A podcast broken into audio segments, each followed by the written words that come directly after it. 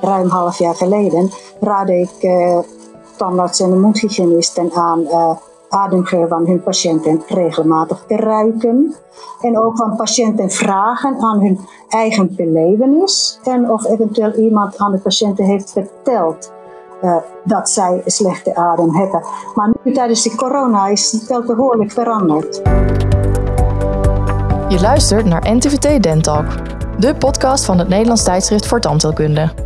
We gaan hier in gesprek met belangrijke experts, interessante onderzoekers en boeiende ervaringsdeskundigen. En misschien wel met jou.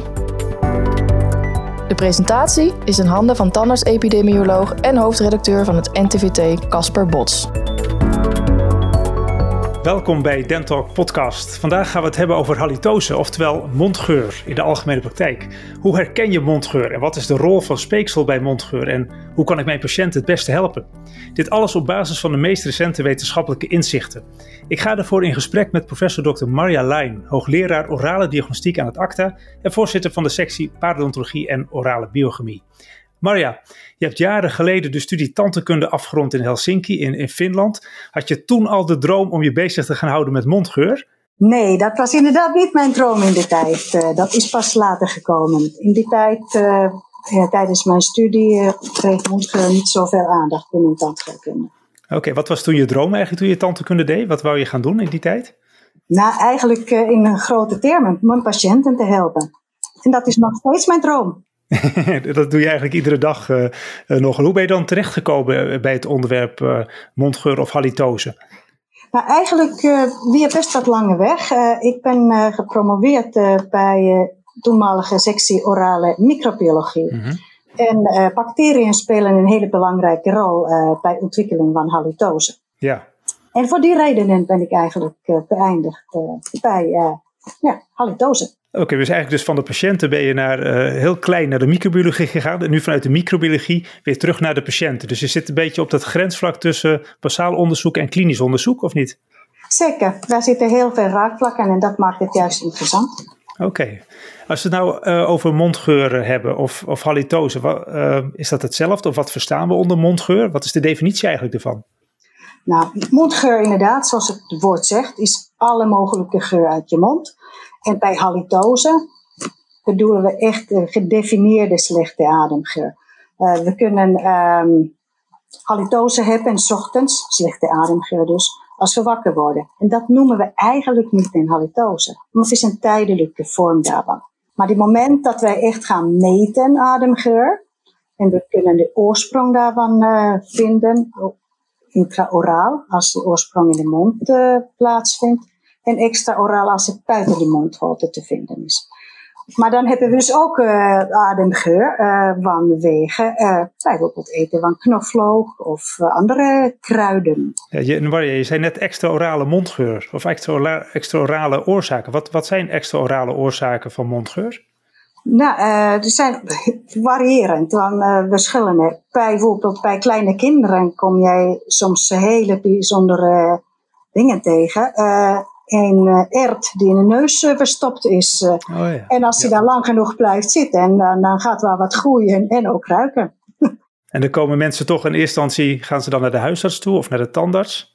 Ja, nou, ik krijg patiënten na mijn spreekuur op ACTA via verschillende routes. heel veel via tandarts en de mondhygiënisten, maar ook via huisartsen en medische specialisten. Maar over die extra-orale oorzaken, dit is een hele bijzondere, maar ben ik ook tegengekomen. Overigens de luchtweginfecties bijvoorbeeld, uh, die zijn een, uh, ja, naast de intraorale, dus oorzaken in de mondholte, die ja, daarna meest voorkomende oorzaak. En vaak huisartsen helaas nog steeds hebben idee en ook andere medici dat uh, slechte adem uit de maag kan komen. Maar dat is dus zeer, zeer zeldzaam het geval. Ik las in je artikel, uh, ook in het NTVT-artikel van de Special Speeksel Mondgezondheid in oktober, dat 80% voortkomt uit de mond.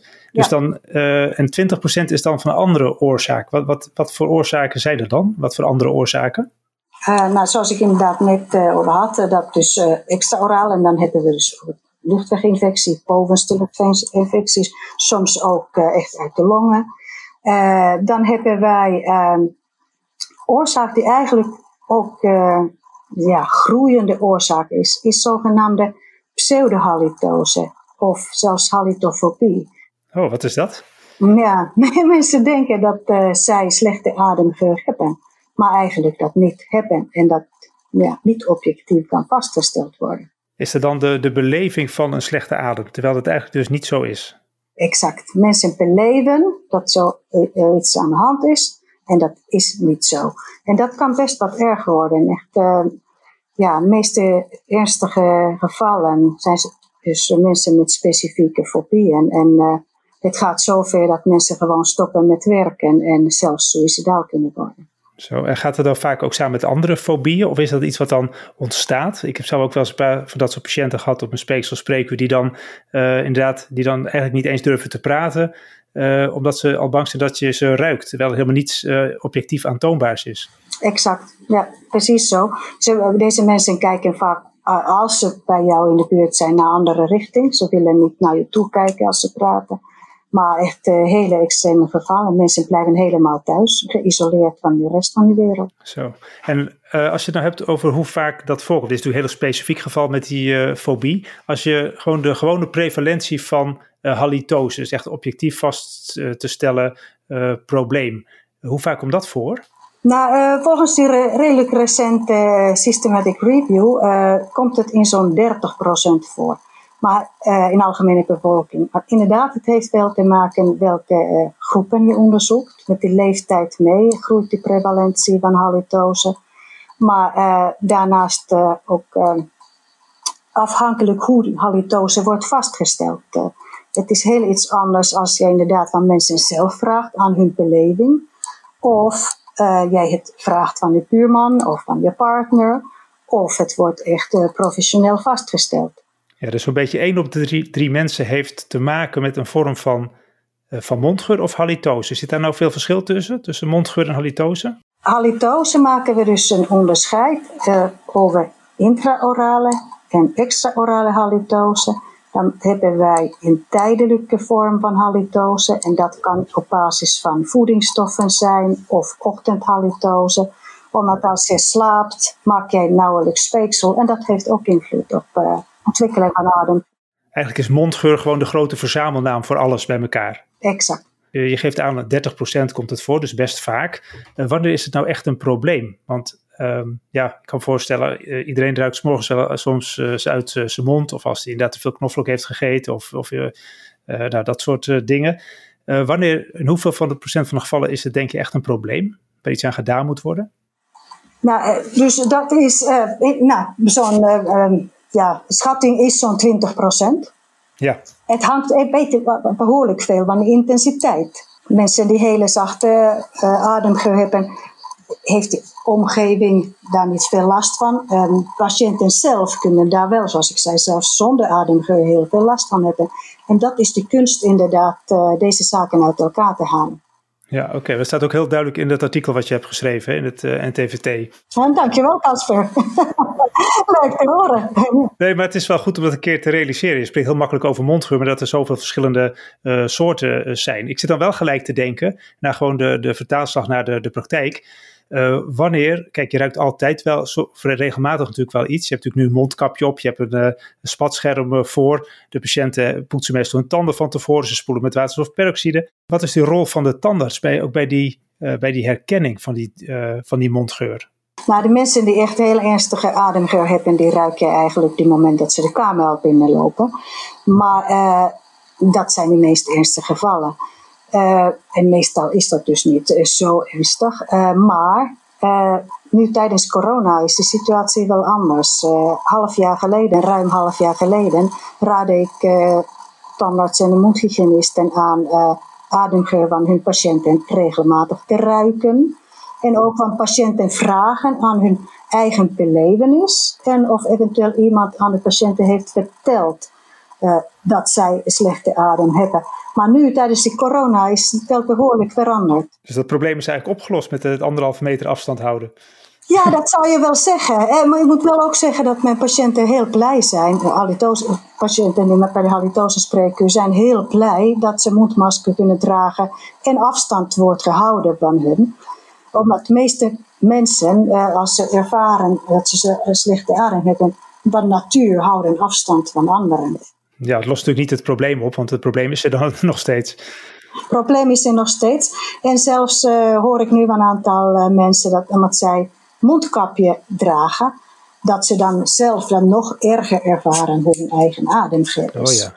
Ja, daar kan ik me iets bij voorstellen als dat zo is. En wat als iemand binnenkomt, dan ruik jij dan eigenlijk, uh, als iemand echt een extreme uh, heeft, uh, weet je dan al ongeveer aan de geur die je ruikt, wat, wat voor zwavelverbindingen erin zitten, of wat voor soort andere verbindingen je te maken hebt? Wat voor soort geuren kan je onderscheiden? Ja, er zijn heel veel verschillende geuren, maar bij slechte adem hebben we het voornamelijk over uh, drie uh, geuren. Vluchtige zwavelverbindingen, uh, waterstofsulfide, die ruikt een beetje naar rotte eieren. Ja. of als, als je ooit gewandeld hebt in een vulkanisch gebied, dat is de geur van waterstofsulfide. Daar kan iedereen zich wel wat bij voorstellen, denk ik. en um, methylmerkaptaan dat is zeer doordringende geur waar heel veel beschrijvingen voor zijn. Uh, patiënten zelf uh, noemen dat een poepgeur, ja. geur van ontlasting, maar ook uh, stinkdiergeur enzovoort. zeer doordringend geur. En dan hebben we dimethylsulfide en dat is een beetje rotte kool, uh, doorgekookte broccoli. Oh, wat je wel eens ruikt als je thuis komt en er is iets misgegaan of iets heeft lang opgestaan. Ja, ja broccoli half uur koken en dan nog deksel op en nog een uur laten ruiken en dat is de dimethylsulfide. Oh, het moet echt wel verschrikkelijk zijn voor die patiënten als je daar iedere dag mee te maken hebt. Ja. Je kan het ook niet even afkoppelen natuurlijk. Nee, maar daarnaast misschien goed te zeggen is dat uh, het is ook heel verraderlijk omdat de mensen kunnen niet uh, objectief hun eigen ademgeur vaststellen. En hoe komt dat? Ja, dat is een systeem van onze reukorgaan dat die adapteert aan geuren als je uh, ja, langere tijd in de buurt bent van een geur. Je weet het wel als je ook een nieuwe parfum koopt. Eerst is het best wat sterk, maar uiteindelijk ruik je het niet zo goed meer. Ja, precies. Ja, het is de adaptatie van onze neus. Dus als je langer te maken hebt met mondgeur, dan ruik je het niet meer en dan denk je dat het normaal is. Exact.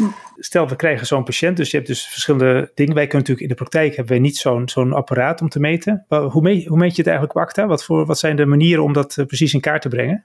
Nou, dus voor de corona uh, was organoleptische testen, dus ruiken met je eigen neus, die wel getraind is inderdaad. Uh, ja. de verschillende geuren te onderscheiden. Maar dat is één onderdeel. Daarnaast is altijd uh, een tweede meetmethode. En uh, ik persoonlijk gebruik een machine die heet Oral Chroma. Dat is een gaschromatograaf. Die is, oh, gaschromatograaf moet ik zeggen. Die is ontwikkeld voor detectie van slechte adem in tandartspraktijk. Oké, en wat is, wat is eigenlijk de overlap tussen wat je met de neus kan ruiken en wat het apparaat kan meten? Hoeveel, of wat is de, zeg maar, de specificiteit uh, daarvan? Ja, nou, dat zijn inderdaad veel onderzoeken. Uh, die uh, ja, die metingen komen heel goed overheen, maar je moet wel een getrainde neus hebben. Je neus, nou, zoals ik ik train mijn neus regelmatig en ik test mijn neus regelmatig, zodat ik als patiënt zie dat ik weet of mijn neus ja, die dag goed werkt. Hoe goed kan ik die dag ruiken? Als ik verkouden ben, ruik ik ook minder goed dan als ik niet verkouden ben. Oké, heb je dan een soort uh, geurcapsules uh, waar je aan ruikt, die een bepaalde minimale detectie moeten hebben of iets dergelijks? Ja, ik heb een uh, reeks van verdunningen van verschillende geurstoffen. En okay, daarmee ja. test ik het, uh, zodat ik weet hoe goed mijn neus werkt. En als jij dit ook een tijdje doet, dan weet jij hoe goed jouw neus correleert met die machine. En uh, moet ik zeggen dat uh, ik ben daar heel tevreden zoals het werkt. Er zijn ook andere manieren. Halimeter is een systeem die al langere tijd op de markt is. en wat, wat doet die precies, de Halimeter? Die meet um, Zo'n, een algemene sulfidemeter, dus die meet uh, een totale concentratie van sulfide. Dus die meet ook als jij net uien hebt gegeten, bijvoorbeeld. Daar zitten dus ook sulfide. Die oral chroma, uh, die meet uh, deze drie gassen die ik noemde apart, zodat je kan hun concentratie apart aflezen. Ja, ik las laatst ook iets over de zogenaamde e-nose of iets dergelijks. Wat, dat, wat is dat precies? Ja, dat zijn de nieuwste ontwikkelingen. Uh, elektronische neuzen. ja, het zijn, Wat moet je daarbij voorstellen? dat zijn sensoren die uh, verschillende patronen herkennen. Die worden uh, veel gebruikt in de levensmiddelenindustrie bijvoorbeeld, of de parfumindustrie. Traditioneel deze soort industrieën die gebruiken geurpanelen, waar meerdere mensen ruiken aan geuren. Ja. En dan komen tot de conclusie over welke geuren en welke sterkte spreken we. Maar inderdaad, de moderne tijd heeft nieuwe systemen, nieuwe sensoren ontwikkeld. Hoe moet ik me dat voorstellen? Hoe ziet dat eruit? Is dat gewoon een kastje waar je in moet blazen? Of is zij dat een soort dingen die je in de mond moet stoppen? Kan je dat beschrijven? Uh, als we over ademgeur hebben, uh, zeker over intraorale slechte ademhalitose, dan uh, wil ik inderdaad niet dat patiënten gaan blazen. Want als je gaat blazen, heb je over de ademgeur uit je longen. En dat is heel belangrijk in de differentiële diagnostiek, onderscheid te kunnen maken is het intra- of extra-oraal. Dus we blazen niet, qua definitie. Je zegt dat we blazen niet. Dus als iemand, als een patiënt bij jou op het spreekuur komt, dan uh, moet hij dan door ze, moet hij helemaal niet uitblazen? Of krijgt hij gewoon alleen maar, gaat het alleen maar om de adem die op dat moment in de mond aanwezig is? Krijgt hij iets in de mond? Kan je dat voor ons ja. beschrijven hoe dat gaat? Want als je blaast, komt het uit je longen. En als het gewoon het wil echt puur hebben wat uit je mond komt. Ja, dus het is belangrijk die onderscheid te maken tussen intra- en extra-orale halitose. En dan voor uh, het test voor de mondademgeur vraag je patiënten eerst uh, vaste tijd één minuut lang lippen en mond te sluiten, zodat uh, goed de adem uh, concentreert in de mond. En dat het een vaste protocol is. Daarna plaats jij een spuit in de mond van de patiënt. Een monojet of zo of iets? Nou, zijn specifieke, maar. Ja. Uh, deze machines zijn zeer gevoelig, dus je moet echt een hele goede omgeving dat doen, zodat ze niet in de war raken. Anders kan je niet goede metingen doen. Dus dan haal je lucht uit de mond van die patiënt en die spuit je in die machine. Dat is dus niet blazen, alleen de mondadem. Maar als je ook wil weten hoe het zit met de adem buiten de mond, dan vraag jij de patiënt juist heel diep adem te halen en weer de neus de lucht uitblazen. En dan komt het uit de bovenste en onderste luchtweg. Oh, en meet je dan beide dingen op, zeg maar wat in de mond zit? Oh, ik meet allebei en dat is uh, belangrijk, want anders kan je niet weten waar die geur vandaan komt. Want we hebben ook patiënten met extra orale halitose. En zoals ik zei, het, uh, meestal is de oorsprong bij de luchtwegen te vinden. Maar iemand kan ook uh, slechte ademgeur hebben voor systeemziektes. Uh, dus er ja. zijn zeldzame aandoeningen. bijvoorbeeld viesgeursyndroom is een van wat is dat? Viesgeursymptoom? Dat klinkt vies, maar waar, waar is dat uh, symptoom van? dat is geur van uh, vissen. Dus, uh, oh, visgeur, sorry. Ja, ja mijn accent, mijn Finse accent. Wat ik me trouwens afvroeg, nu het over Finland hebt. Wat is het Finse woord voor halitose of mondgeur? Nou, ja, wil je eens even horen? Zo lang gehoord. Pahan hajuinen hengitys. Oké, dat ga ik niet herhalen. En, maar zit er, soms zit er in zo'n woord ook iets van de betekenis van mondgeur. Is ik kan, dit is zo'n lang woord. Ik kan me voorstellen dat het een net iets andere... Heeft het een andere annotatie uh, in het Fins? Dat is dus eigenlijk, als ik het uh, vrij vertaal, is uh, slecht ruikende adem, geur en inderdaad, voor halitose hebben we halitosi. En dat is, dat is te onthouden. Oké, prima. Goed, dat was een klein, zij, klein zijspoortje. Dus ik wil even nog teruggaan naar dat, dat meten. Want die diagnostiek is dus heel belangrijk om uiteindelijk ook richting uh, een behandeladvies te gaan. Want alleen maar je, moet, maar je moet dus eerst goed meten. Dan weet je dus van waar komt het vandaan en welke mate, hoeveelheid uh, verschillende soorten gassen zit erin. En dat betekent dus dat je dan weet wat voor soort bacteriën een rol spelen, of niet? Nou, dan kan je niet direct zeggen wat voor bacteriën. En, uh, inderdaad, ik heb eerder al verteld dat uh, deze vluchtige zwavelverbindingen worden gemaakt uh, door bacteriën als bijproduct van hun metabolisme.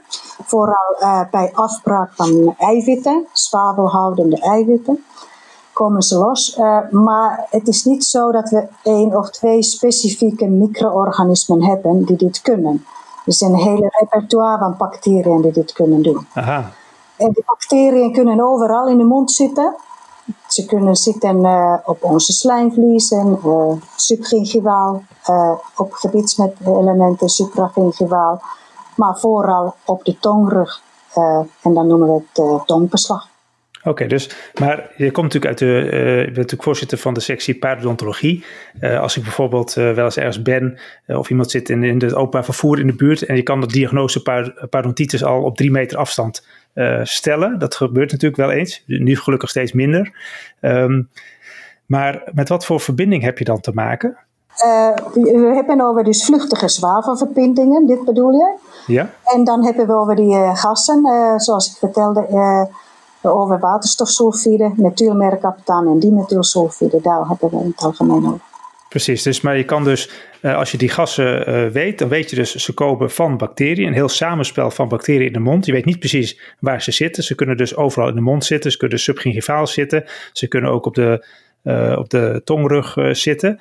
Um, dan zou je zeggen dat je dus heel specifiek dan uh, in eerste instantie uh, subgingivaal gaat reinigen en de tong schoon gaat maken. Ja. Dat zijn, zijn dat, wat, wat heb je allemaal in je gereedschapskist zitten om uh, patiënten aan te bieden om de mondgeur te verbeteren? Nou, inderdaad, dus na ademgeuronderzoek doe ik ook mondonderzoek, zodat ik gefocust kijk waar vindt zich biofilm, bacteriële plak. Ja, want het komt altijd van een biofilm vandaan, mondgeur. Exact, ja. Dus dat zoeken we en dat is, uh, dan betekent dat uh, goede onderzoek van gebiedselementen, open kariuslesies kunnen inderdaad ook oorzaak zijn voor slechte ademgeur, ook tumoren enzovoort, ga maar door. Dus goede onderzoek van slijmvlies en gebiedselementen, parodontium en de tong en hele mondgolten. En heel vaak is de oorzaak tongbeslag en vooral de echte posteriore kant van de tongrug. Ja, dus super diep uh, achter in je keel. Ja, en dan moet je ook heel goed kijken, tong goed uitsteken en dan verder bij die uh, circumvallate papillen op het achterste gedeelte van de tongrug. Heb, heb je nog tips, uh, want soms als ik patiënten tong laat uitsteken, dan komt de hele mondbodem omhoog. Heb je nog tips dat je dat heel goed kan zien? Gewoon huistuin- en keukentips om die, die tongrug goed te zien? Heel simpele uh, tip is uh, een uh, gaasje te pakken en echt een beetje vast de tongpuntje pakken en dan helpen die patiënt tong uit de mond te steken.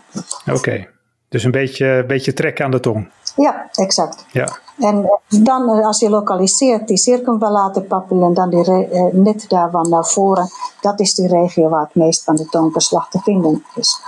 En daarnaast Visueel inspecteer ik ook altijd uh, tonsillen, omdat uh, ook uh, een oorzaak voor ademgeur zijn tonsillits, amandelstenen en ook stinkstenen worden ze genoemd. Ja, dat is, ik had toevallig laatst ook zo'n patiënt die, die zei kan hele brokken naar boven werken en dat uitknijpen wat een heel specifieke geur uh, geeft. En die, die, kan je, die zitten gewoon heel diep, uh, eigenlijk net een beetje over onze grens. Of hoort het nog bij, hoort het nog bij de mond? Nee, dat hoort helaas, of nee, dat hoort helaas niet bij de mond. Dus inderdaad, dan is mijn advies ook uh, afspraak te maken bij een kano-arts. En dat is een kano, ja, specifieke onderdeel. Ja, even een heel klein zijstapje. Wat kunnen ze aan die stenen doen? Want die komen toch vaak weer terug als ze verwijderd zijn? Exact, en dat is het probleem ook. Eh, eh, ja, je moet denken aan een soort bijna prokjes, hele grote prokjes kunnen ze zijn van tandsteen. En als ze openbreken, komt daar dus uh, vluchtige zwavelbinding komen daar uit. En meestal is die geur dan uh, waterstofsulfide die daaruit komt. En daaraan te doen is, ja, patiënten ondergaan soms ook ja, eh, operaties, tonsillectomie. Uh, en uh, ze helpen wel tegen die uh, amandelstenen, als dat de oorzaak is. Maar vaak zijn daar ook andere oorzaken daarbij. Oké, okay, nou dat is meer inderdaad afdeling KNO. Maar dan moet je, als je dat dus tegenkomt, moet je doorverwijzen naar de KNO-arts. Ja. ja. Oké, dus we hebben het gehad nu over het, uh, uh, nou, eerst goede diagnostiek. Um, ik wil het eigenlijk een beetje ook richting de praktijk trekken, want wij hebben niet zulke mooie meetapparatuur in de praktijk staan. Kan je ons even meenemen met een, gewoon een patiënt die gewoon op controle komt? wat vind je? Moeten we daar moeten we standaard die mondgeur te sprake brengen? We moeten natuurlijk heel veel dingen al doen. Of moeten we op specifieke momenten daarop letten? Wat zou je advies zijn voor Tantekundig Nederland? Mijn advies zou zijn in de anamnese uh, twee vragen te zetten. Dus uh, vraag die ik ook uh, noemde. Dat heeft iemand daar last van? En de tweede vraag, heeft iemand aan de patiënt het ooit verteld dat hij slechte adem heeft? En dan geeft het een opening ook over te gaan spreken, want vaak rust daar toch nog steeds een taboe op ademgeur. Het is een moeilijk onderwerp. En als het eenmaal staat in de anamnese, dan is dat makkelijk spreekbaar. Precies, dus gewoon te sprake brengen in de, de, verschillende vragen die je stelt. Van ben je tevreden over je gebit? Heb je nog uh, ergens last? Kan je goed eten? Heb je last van mondgeur? Gewoon al die aspecten gewoon daarin meenemen. Exact. En dan kost het ook minder tijd als je als een van die vragen in de anamnese hebt. Ja, en dan eh, zegt zo'n patiënt inderdaad, ja, ik heb wel last van, van mondgeur. Um, en dan? Dan, nou, dan inderdaad goed onderzoek de tongrug, aan de tongrug voor de tongbeslag. In aanwezigheid, kleur daarvan en de dikte daarvan en de locatie daarvan. Goede parodontale onderzoeken, want naast de tongbeslag zijn gingivitis en parodontitis de meest voorkomende oorzaken voor slechte adem. Precies, dus gewoon uh, eigenlijk moet zo'n patiënt dan uh, even door het Montigern-protocol of door het uh, preventieprotocol in eerste instantie en daarnaast advies om te tongschrapen. Nou, inderdaad, tongschrapen en eventueel gebruik van mondspoel. Ik noem ze eigenlijk gorgelmiddelen. Ja. Want als die gebruikt worden, dan moeten ze gorgelend gebruikt worden als die vloeistof bij uh, de tongrug en de achterste gedeelte van de tongrug moet komen. Je adviseert dan gewoon chlorhexidine-achtige oplossingen of andere dingen? Er zijn, er is een hele repertoire uh, op de markt. Uh, wat ik belangrijk vind, dat daar zeker zink aanwezig is. En zink heeft dus antibacteriële effecten en daarnaast ook geurneutraliserende, die zwavelverbindingen neutraliserende effect. en Daarnaast uh, eventueel inderdaad chlorhexidine of uh, andere antimicrobiële middelen. Oké, ik, ik, heb een keer een uh, lezing van Dr. Edwin Winkel gehoord hierover, die ook natuurlijk op dit onderwerp heel actief is. die vertelde dat je een, ook een washandje boven je mond kon houden als je ging gorgelen, omdat je zo diep moet gorgelen dat je tong moet uitsteken. Is dat een, ja, een handig advies? Ja, een aantal van die gorgelmiddelen schuimen heel erg, maar andere weer niet. Ik adviseer ook vaak patiënten de eerste keer te oefenen in de douche, zodat het niet zo erg is als het okay. schuimt. Dan ja. weet je hoe het loopt. En, en uh, ja, zo, zo zijn er vele verschillende opties op de markt. Ja, je ziet trouwens natuurlijk ook op de markt heel veel verschillende tongschrapers langskomen. zonder alleen merknamen te noemen, heb je nog een advies voor een, een goede tongschraper? Nou, sowieso dat het een eh, stevige model is en niet te scherp. Maar toch mag jij ook niet beschadigen. En mensen ja, uh, kunnen heel erg fanatiek zijn, zoals met poetsen ook, uh, tongslapen ook, dat ze veel te veel kracht gaan gebruiken. Tot bloedens toe. Ik heb wel eens een keer uh, mijn tong opengeschraapt met zo'n ding. Zeker. Dus uh, dit zijn ja, belangrijke zaken goed te oefenen met de patiënten ook. Precies, dus niet alleen maar zo'n tongschraper meegeven, maar ook eventjes echt laten zien hoe het moet. Exact, ja. Oké. Er gebeurt best dus veel op dat gebied van de halitose, mondgeur uh, enzovoort. ik was eigenlijk wel benieuwd ook wat voor wat ontwikkelingen zijn op het onderzoeksgebied, zowel in, in Nederland als Europa wereldwijd. Kan je wat vertellen wat er allemaal speelt? Ja, we zijn zeer actief. Vorig jaar hebben wij een, een nieuwe vereniging opgericht, de International ja. Association for Halitosis Research. Okay. We zijn zeer actief. Vorig jaar hebben we onze eerste webinar gehad. En 31 oktober hebben we onze volgende webinar. En dat gaat over e-neuzen.